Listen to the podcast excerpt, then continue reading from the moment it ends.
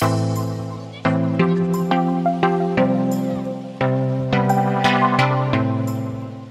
dari yang kemarin bahasan kita tentang berkebun, kemudian podcast juga banyak yang bahas tentang berkebun.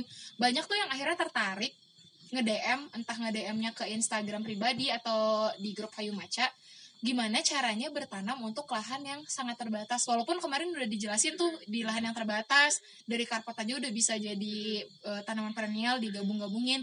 Ternyata masih ada lagi nih yang bener-bener sangat terbatas. Contohnya yang tinggal di apartemen atau di kontrakan yang sisanya teh balkon doang gitu loh kira-kira apa yang bisa kita lakukan di tanah yang cuman ada segitu doang Uh, sebenarnya nggak ngaruh juga sih kalau misalkan apartemen iya jelas beda ya maksudnya antara apartemen dengan rooftop tapi sebenarnya sama. Bedanya adalah kalau di apartemen uh, pakai pot. Harus pakai pot harus ya. pakai pot wajib pakai pot. Dan pakai alas sih potnya itu Uh, uh, potnya itu ya kalau bisa ya memang yang agak besar pilih yang paling besar. Dan untuk uh, space pilihnya yang persegi panjang itu loh. Iya iya. Pot bukan yang persegi bulat ya? panjang. bukan yang bulat-bulat gitu. Kecuali dia untuk pohon ya. Pohon. Uh, misalkan Emang beda bu bentuknya itu berpengaruh atau gimana? Iya, kalau di permaculture itu ada prinsip ketiga obtain a yield. Jadi kalau dia eh, pot bentuknya kotak, dia bisa lebih Beberapa banyak tanaman. ah, dan bisa beberapa Oh, bisa memaksimalkan lahannya juga. Iya, dan tadi stacking function itu Iya. gitu. Jadi dengan bentuknya kotak itu nanti kita bisa nanam beberapa jenis di situ. Ada perennial, ada annual tetap sama kok. Yang penting gini, kalau eh, sayur ya gitu perennial itu dia eh, butuh minimal sih sebenarnya kedalaman tanahnya 30 sampai 30 50 cm. jadi cari potnya agak tinggi Agak ya tinggi, tapi agak tinggi itu juga udah, udah cukup. lama. Iya, udah dan cukup. tetap bisa nanam perennial ya sebenarnya walaupun di apartemen Bisa. Yang penting eh, kalau misalkan mau nanam kayak lemon itu bisa kok di pot. oh iya Cuman potnya yang gede yang kayak 100 liter gitu loh. Oh. ukurannya itu. Yang suka ada di balkon hotel itu, Ah, eta. yang di sebelah minuman selamat datang. Tapi itu memang modal ya kalau di apartemen atau di rooftop karena untuk pot yang gede juga lumayan sebenarnya. Yang buat di apartemen mau minim modal, minim juga lahannya, install aja Harvest Moon. Berkebun sepuasnya sana. Paris nih nanti banyak yang di Iya. atau bertanam di Paling Shopee enak tuh berkebun mau nanam jagung, bercocok tanam di Shopee benak Ide. sapi kayak gitu. Terus kamu nyepik nyepik cewek juga, pak ngasih telur bebas tuh bisa nyepot langsung tuh. Iya, jadi kalau kalau di balkon eh, apartemen sih sebenarnya sama aja. Tinggal nanti pas di balkon kalau bisa kan itu bentuknya balkon gini ya. Mm-mm. Ini kan udah ada pot-pot ini. Mm-mm. Nah, ini tambah net Oh, sedikit jadi untuk nanti bisa tanaman yang merambat. untuk yang merambat Merambat. juga Oh. Uh-uh. ingat netnya net volley bukan net ayam Iya, iya. net volley soalnya bisa langsung dipasang kalau net ayam kan mesti di ini dulu Disusun. Uh-uh, disusun dulu gitu dan itu lebih mahal sih yang net ayam net volley lebih kuat soalnya gitu. Dan lebih murah sih. lebih murah emang. ngecek di e-commerce juga ada yang 30 ribu doang. Iya, kalau Waduh. kalau ilmu dari BP mah selalu cari yang termurah dan paling efektif ya berkebun tidak harus mahal. Betul, berkebun tidak harus mahal, teman-teman. Berkebun pelit atau, atau gimana nih? Kita cari yang paling mudah deh. Eh, bahasanya adalah bijaksana dalam mengelola keuangan. Cakep. Oh iya. Low cost, high impact. Benar Ah, sekali. iya. Jadi nggak ngaruh. Yang penting eh, pilih media tanam atau tanahnya itu kalau bisa yang memang ini ya subur ya. Iya, Karena iya. kan kalau misalkan di apartemen di pot dia nutrisinya nggak ada, Nggak dari ada. tanah. Hmm. Dari Harus tanah. sendiri. ya. Heeh, jadi dan itu memang ya mengeluarkan effort lebih karena memang harus ada pupuk berarti kan gitu karena kan dia nggak punya topsoil yang kalau kita di tanah ya gitu cek lagi nanti postingan hashtag BP soil preservation nanti di situ Oke. ada apa itu topsoil jutaan mikroorganisme apa yang ada di sana gitu. Nah kalau di apartemen karena memang tidak bisa mengcreate itu Atau di rooftop juga kan nggak bisa. Heeh. yang penting itu sih si apa pupuknya itu. Jangan pakai NPK ya Ini udah mau ditipu sama abang-abang. NPK. NPK itu agak berbahaya memang kalau eh, orang di kampung gitu ya Mhm. eh, sukanya pakai NPK karena memang bisa menggemburkan sebenarnya bukan menggemburkan NPK itu dia meng- akan menghancurkan bebatuan di dalam tanah Hmm. makanya gembur itu karena bebatuannya udah hancur Hancur. Tapi yang harus kita ingat itu nanti ada di di ini ya postingan BP Soil Preservation yang namanya lapisan tanah itu di bawah topsoil memang harus ada kerikilnya, Terus ada penahan. harus ada penahan supaya apa tidak erosi. Jadi kalau misalkan sekarang banyak kejadian eh, daerah lereng longsor eh kemarin ya ada kan ya Iya. sempat ya di berita yang happeningnya tuh ya itu karena emang udah nggak ada lagi pengikat. Penahan. Heeh. Salah satunya dari MPK itu. iya. Karena dia batu-batu di bawahnya hancur. hancur. Itu yang banyak terjadi kayak misalkan di Dieng gitu kan Iya, ya. Di dia Heeh, itu karena memang pakai NPK Yang NPK murah murah banget. lima ribu dapat segepok coy Iya gitu. Jadi eh, beralihlah ke ke yang yang ini aja. Yang organik ya Heeh, bikin ya itu aja Mau- kalau misalkan masih bisa dapat ee kambing. Iya Iya. itu juga sebenarnya murah sih dijualin. Heeh, beli di toko tani kan lima nggak ribu udah 5.000. bisa dapat. Atau bikin sendiri bikin mikroorganisme lokal atau mall. Bisa caranya ada di hashtag BP Mall. Bu mau mau ini dulu dong spoiler si mall ini apa aja yang dibutuhin sebelum nanti lihat lagi ke kalau mall itu sebenarnya eh, ini cara kita untuk waste management ya. Salah Hmm. satu cara untuk mengolah limbah. Jadi sampah sisa dapur Mm-mm, sampah sisa nasi mm-mm. sampah potongan-potongan atau kulit sayur. Hmm. itu kita fermentasikan anaerob campur glukosa. Sebulan itu jadi mol. Nah itu tuh, tuh yang di botol itu tuh. Yang warna hitam ya? Mm-mm. anaerobnya berarti tanpa udara. Tanpa udara. Kedap gitu ya. iya itu. Itu jadi mall itu dari mana ya? Dari sampah dapur kita sendiri. Bisa kok. Nah si mall ini sebenarnya bukan pupuk tapi dia benar-benar bantu eh, mikroorganisme tanah Oh, Gitu. kayak ngaktifin gitu ya, kayak ngaktifin si Ah. Jadi mikroorganismenya. roti itu raginya gitu ya. Kayak iya ragi buat tanah. memang lagi gitu. buat tanah Oh iya. Jadi iya, dia iya, itu nanti iya. membantu membantu mikroba Ah. kan di topsoil itu nanti ada mikroba, ada organisme, ada Oh. mikroorganisme, ada bakteri baik, ada jamur kan. Mhm. Nah itu yang dihidupkan sama si mol itu gitu. aktivator ya. Eh, eh, bedanya itu. Nah si mol ini juga sebenarnya eh, karena saking dia kuatnya, dia Hmm. biasa dipakai untuk pengomposan, mempercepat kompos yang Oh. kompos daun itu Oh, iya, iya, supaya lebih cepat hancur. Kasih Dikasih mall dulu. kasih mol dulu. Gitu. Oh. Nah, mall ini juga bisa untuk toilet tersubat. Oh iya, Bisa. langsung uh, ini lebur gitu. Organisme. Iya, iya. Mall itu kan hidup. Dia kan mikroorganisme. Itu tuh hidup gitu. Dia itu. Gitu. Jadi bikin sendiri bisa. Atau kalau toh beli ya itulah cari itu aja lah eh, apa? pupuk kotoran kambing. Itu itu nggak mahal juga. Enggak, enggak, lima ribuan bisa dapat kok. Ah, itu kayak bisa itu. untuk beberapa pot kan kita. Hmm. Iya. Kalau ngasih pupuk kambing tuh berapa periode waktu sekali tuh bu biasanya? Kalau nanamnya ya kayak di pot-pot. Sebenarnya sih eh, jangan dikasih saat dia lagi berbunga. Oh. Terlalu panas. Setelah panenan. Setelah panen Setelah baru panenan dikasih baru lagi. dikasih. Iya, itu aja. Jadi nggak seminggu sekali kita kasih itu. Nggak, enggak usah deh kayaknya. Gimana dong? Strategi. Belum begitu terlanjur sih Masih dikit ya, Dikasih masih lagi. dikit. Enggak, enggak, enggak usah Oh, nggak segitunya sih. Sering-sering ya. Justru di awal ya, pas nyiapin tanah Iya, baru harus nyiapin. pakai. Di awal. Oh, jadi tanahnya sebenarnya dikasih bukan si Efeknya tanamannya. itu kalau Iya. terlalu panas tuh efeknya jadi gimana sama tanamannya? Ya, layu atuh Oh, mati. Nah, jangan-jangan ini nih yang katanya kalau apa nanam tanaman pas udah setinggi ini pada mati itu mungkin over pupuk ya. Numpuk banget kayak kambing. mikirnya kita biar makin subur kali Iya, ya. iya. jadinya Karena dikasih pupuk gue terus Enggak sih, Ya, itu overload berlebihan gak baik. gitu. Nah, benar. Terima kasih Faris. Terima kasih ilmunya Bu Nana. Bu Nana ngomong-ngomong tentang pangan, tentang berkebun nih. Kan di tema eh bukan di tema, di obrolan podcast kita kemarin terus di diskusi Bu Nana yang Bu Nana buka di Hayu Maca itu berawal dari ketahanan pangan. Gak lama setelah kita diskusi tuh keluarlah berita-berita di media Hmm. eh, mengabarkan kalau di masa Covid ini Indonesia krisis pangan di beberapa provinsi. Nah, kalau dari Bu Nana sendiri ada nggak sih cara-cara yang bisa kita lakukan atau mungkin bisa dilakukan secara komunal atau sendiri untuk ngatasin si ketahanan pangan ini? Sebenarnya sih eh, kalau kita bicara soal ketahanan pangan, ini ada dilema ya karena di satu sisi yang masa sekarang ya, masa Iya, sekarang. Covid ini si petani itu punya surplus. Betul, ada yang yang, bermasalah itu ya. distribusinya sebenarnya yang nggak nyampe ke kota.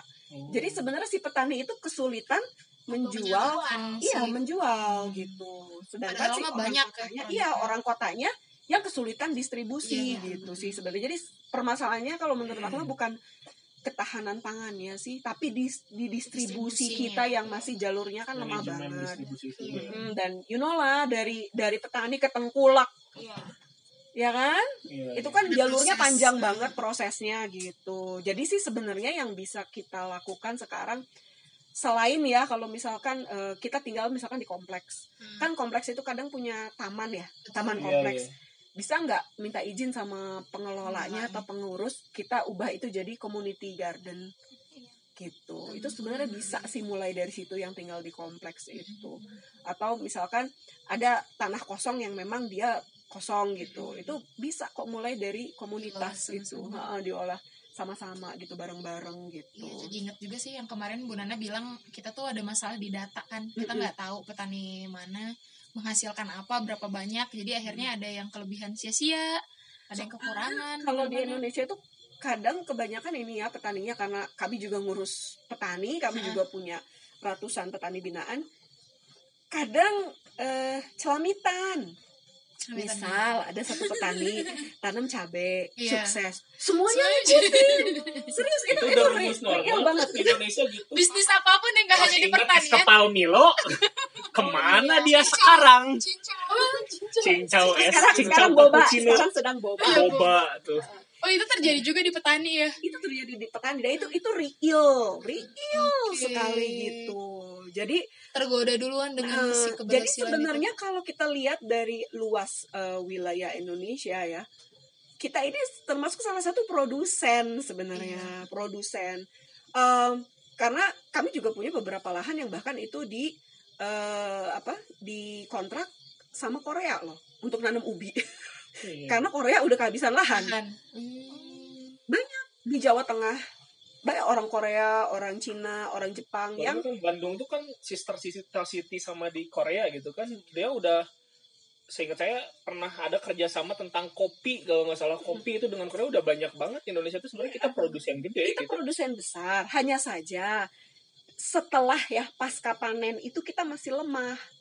Rantainya itu Oh. distribusinya. Distribusi. rantai distribusinya itu masih lemah sekali gitu. Belum jadi terputus gitu. Oke. jadi kalau kalau menurut pendapat pribadi saya yang memang eh, kami terjun langsung ke lapangan ya eh, kita bukan kekurangan bahan pangannya tapi ada mata rantai yang hilang dari pendistribusiannya. Karena sekarang faktanya di Lembang juga itu sampai dibuang-buang sayuran. Gitu sekarang kondisinya seperti itu. Sedih. Iya, karena bukan masalah memproduksinya kita yang kurang, tapi jalur distribusinya itu yang putus. Nah, eh, makanya itu kan kemarin udah cerita ya kalau eh, BP dan rekan nanti kita akan eh, buka toko organik yang berharap kita bisa bantu eh, apa ngambil hasil-hasil dari si Iya, petani gitu. tengkulak. Itu. tanpa tengkulak.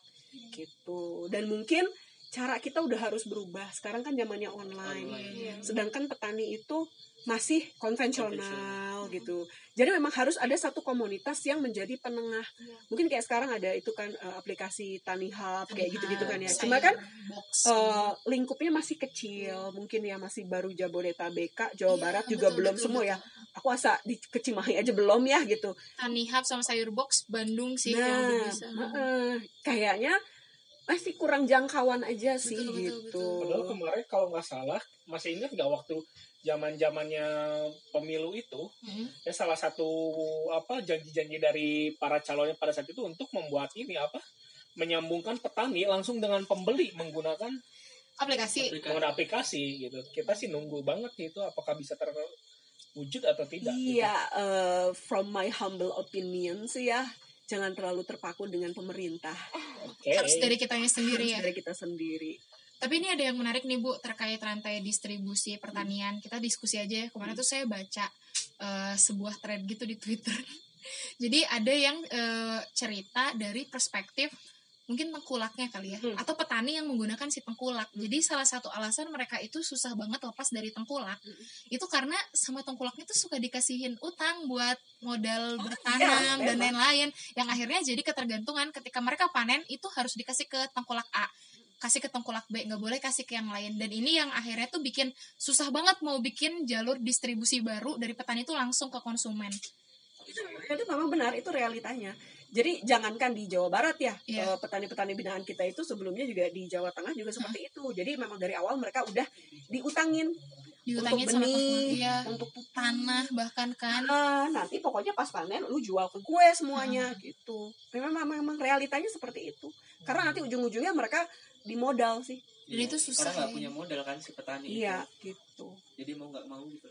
Kalau kalau dekat rumah saya kan banyak sawah tuh biasanya suka ada pengijon. Yang kalau misalkan si padinya masih pada hijau, itu ada orang yang nyari gitu kan ini siapa nih yang punya sawahnya? Mau nggak nanti ini hasil panennya saya Saya beli, beli. kasih uang segini misalnya kasih uang 2 juta di gitu muka gitu ya? Di muka. Jadi kadang kan petani juga mikir buat bayar sekolah anak buat apa kalau Iya. mereka memang kepepet itu dijual.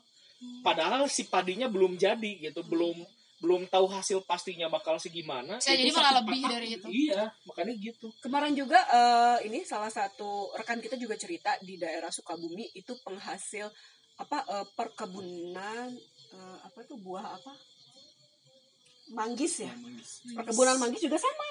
Ada. kena Ijonnya juga ada di situ. oh iya gitu. Jadi itu buahnya juga masih pentil-pentil udah dibeli. Iya Heeh.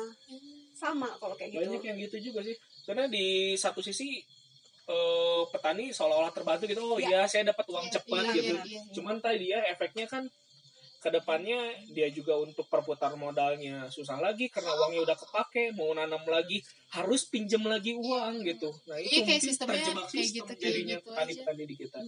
Makanya sebenarnya eh, kalau kalau bukan ini ya kalau kalau tidak terhambat covid itu BP itu punya satu project dengan salah satu perusahaan corporate ya. Dia perusahaannya sudah green.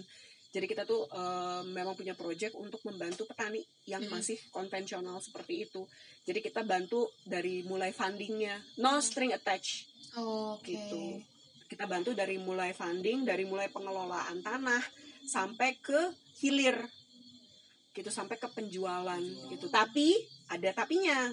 Harus syarat. Ya maksudnya eh, nggak nggak nggak nggak kita kasih blok gitu aja lah ada ya gitu. perubahan yang diinginkan ya perubahan yang kita inginkan itu pola penanamannya permaculture. Oh. gitu. Jadi kita sekalian ngajarin petani tapi bukan ngajarin aja ala-ala ya mungkin yang tadi Diko bilang politikus ya Hmm. kita terjun ke lapangan.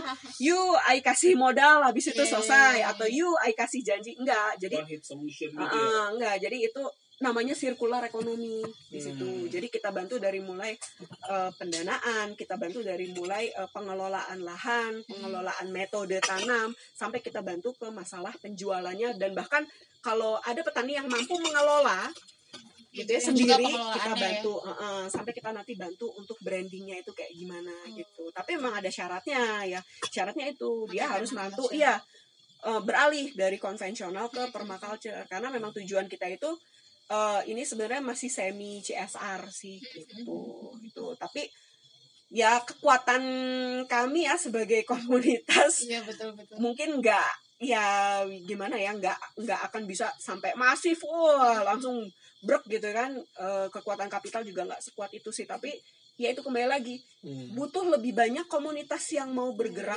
Oh, untuk melakukan itu. Jadi nggak apa-apa sih kita mulainya kecil-kecil aja dulu kecil-kecil aja dulu. Kecil-kecil lama-lama banyak. Mm-mm, karena sebenarnya kekuatan kekuatan tangan itu kan sebenarnya ujungnya kan ada di desa kan? Hmm.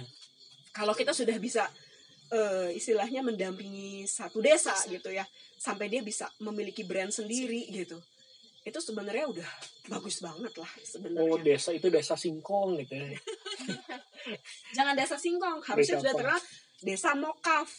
Bukan Oh, singkong yang udah ada udah olahan ada di- oh itu dia itu dia. Nah itu ada di prinsip ketiga permaculture obtain yield gitu. Jadi jangan jangan eh, apa yang kita jual itu mentahannya. Tapi, Tapi harus olah. Iya karena apa kalau kita hanya jual mentahan sayuran sanggup berapa hari sih? Jadi ingat Iya. cerita tadi tanaman apa? Shiratake apa? Shirataki ya shiratake yang aka iles iles Iya, iles-iles yang ketika di sini ditanam tapi umbi-umbiannya malah dijual Ah. keluar diolahnya di luar balik lagi ke sini jadi mahal. Kalau yang sekarang sedang menjalani diet keto pasti kenal deh yang namanya mie shirataki nasi shirataki gitu kan. kan Itu kan rada- mahal banget itu kan ya mahal banget. Itu sebenarnya memang tanamannya bisa ditanam di Indonesia dan memang banyak di Indonesia bahkan banyak di Jawa Tengah. Dan itu pola penanamannya shade grown artinya apa? Nggak butuh. dia bisa ditanam di tengah hutan tanam di tengah-tengah di tengah-tengah eh, pohon komoditas utama Iya, iya, itu iya. bisa gitu. Tapi ya karena Indonesia itu belum eh, ya belum mampu mengolahnya kita emang itu kita kirim ke luar negeri kita kirim ke Jepang. Dari Jepang diolah jadi miras shirataki beras shirataki konyak Seri-seri. konyaku. Itu buat jeli-jeli yang kita makan tuh.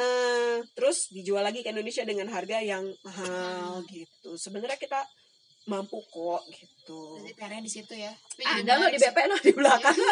tadi kita lihat master berarti sebenarnya poinnya itu tadi ya eh, Indonesia distribusi.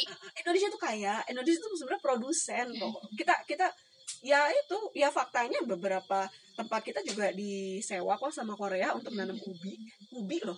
Mereka nanam ubi di sini gitu. Wih bro, si lembu, si lembu. Eh, eh, eh. dan dan itu artinya ya tanah kita masih kaya Iya, iya. hanya saja memang ada missing link lah ya ra- rantai yang terputus gitu di di satu proses makanya either itu nanti tidak terdistribusi dengan baik ya kan nanti tidak terdistribusi dengan baik berpengaruh ke pasokan kan Iya, yang makanya Gitu. sekarang seolah-olah kita sedang krisis pangan. enggak enggak cek aja lah iya. cek cek langsung ke ini ke petani mereka nggak bisa jual bahkan Iya. karena ada yang mau beli Dengan Terus kan restoran, hotel tutup. Iya. Gitu nah Jadi bukan stoknya ya, Bukan. distribusinya. distribusinya Punya kesulitan karena biasa supply ke tempat A dan B. Ketika Nah. mereka tutup, udah gak tahu mau supply ke mana. Mm-mm. Malah yang sekarang thriving tuh eh, petani-petani lokal kecil yang dia sudah punya link ke toko-toko Komunitas, organik iya. atau toko Oh komunitas. iya, Jadi iya, mereka memang restoran-restoran Jadi malah yang- banyak yang malah banyak dan eh, omsetnya tinggi Heeh. dibandingkan petani lokal tapi yang punya lahan kayak luas Gede, banget tapi, tapi dia ngejualnya ke tengkulak sama- itu enggak. Gitu. sih. Oh, menarik ya. Mm-mm. Jadi memang eh, kuncinya nanti di jalur distribusi petani itu harus harus harus bisa atau harus ada komunitas nanti yang jadi penengah Hmm. gitu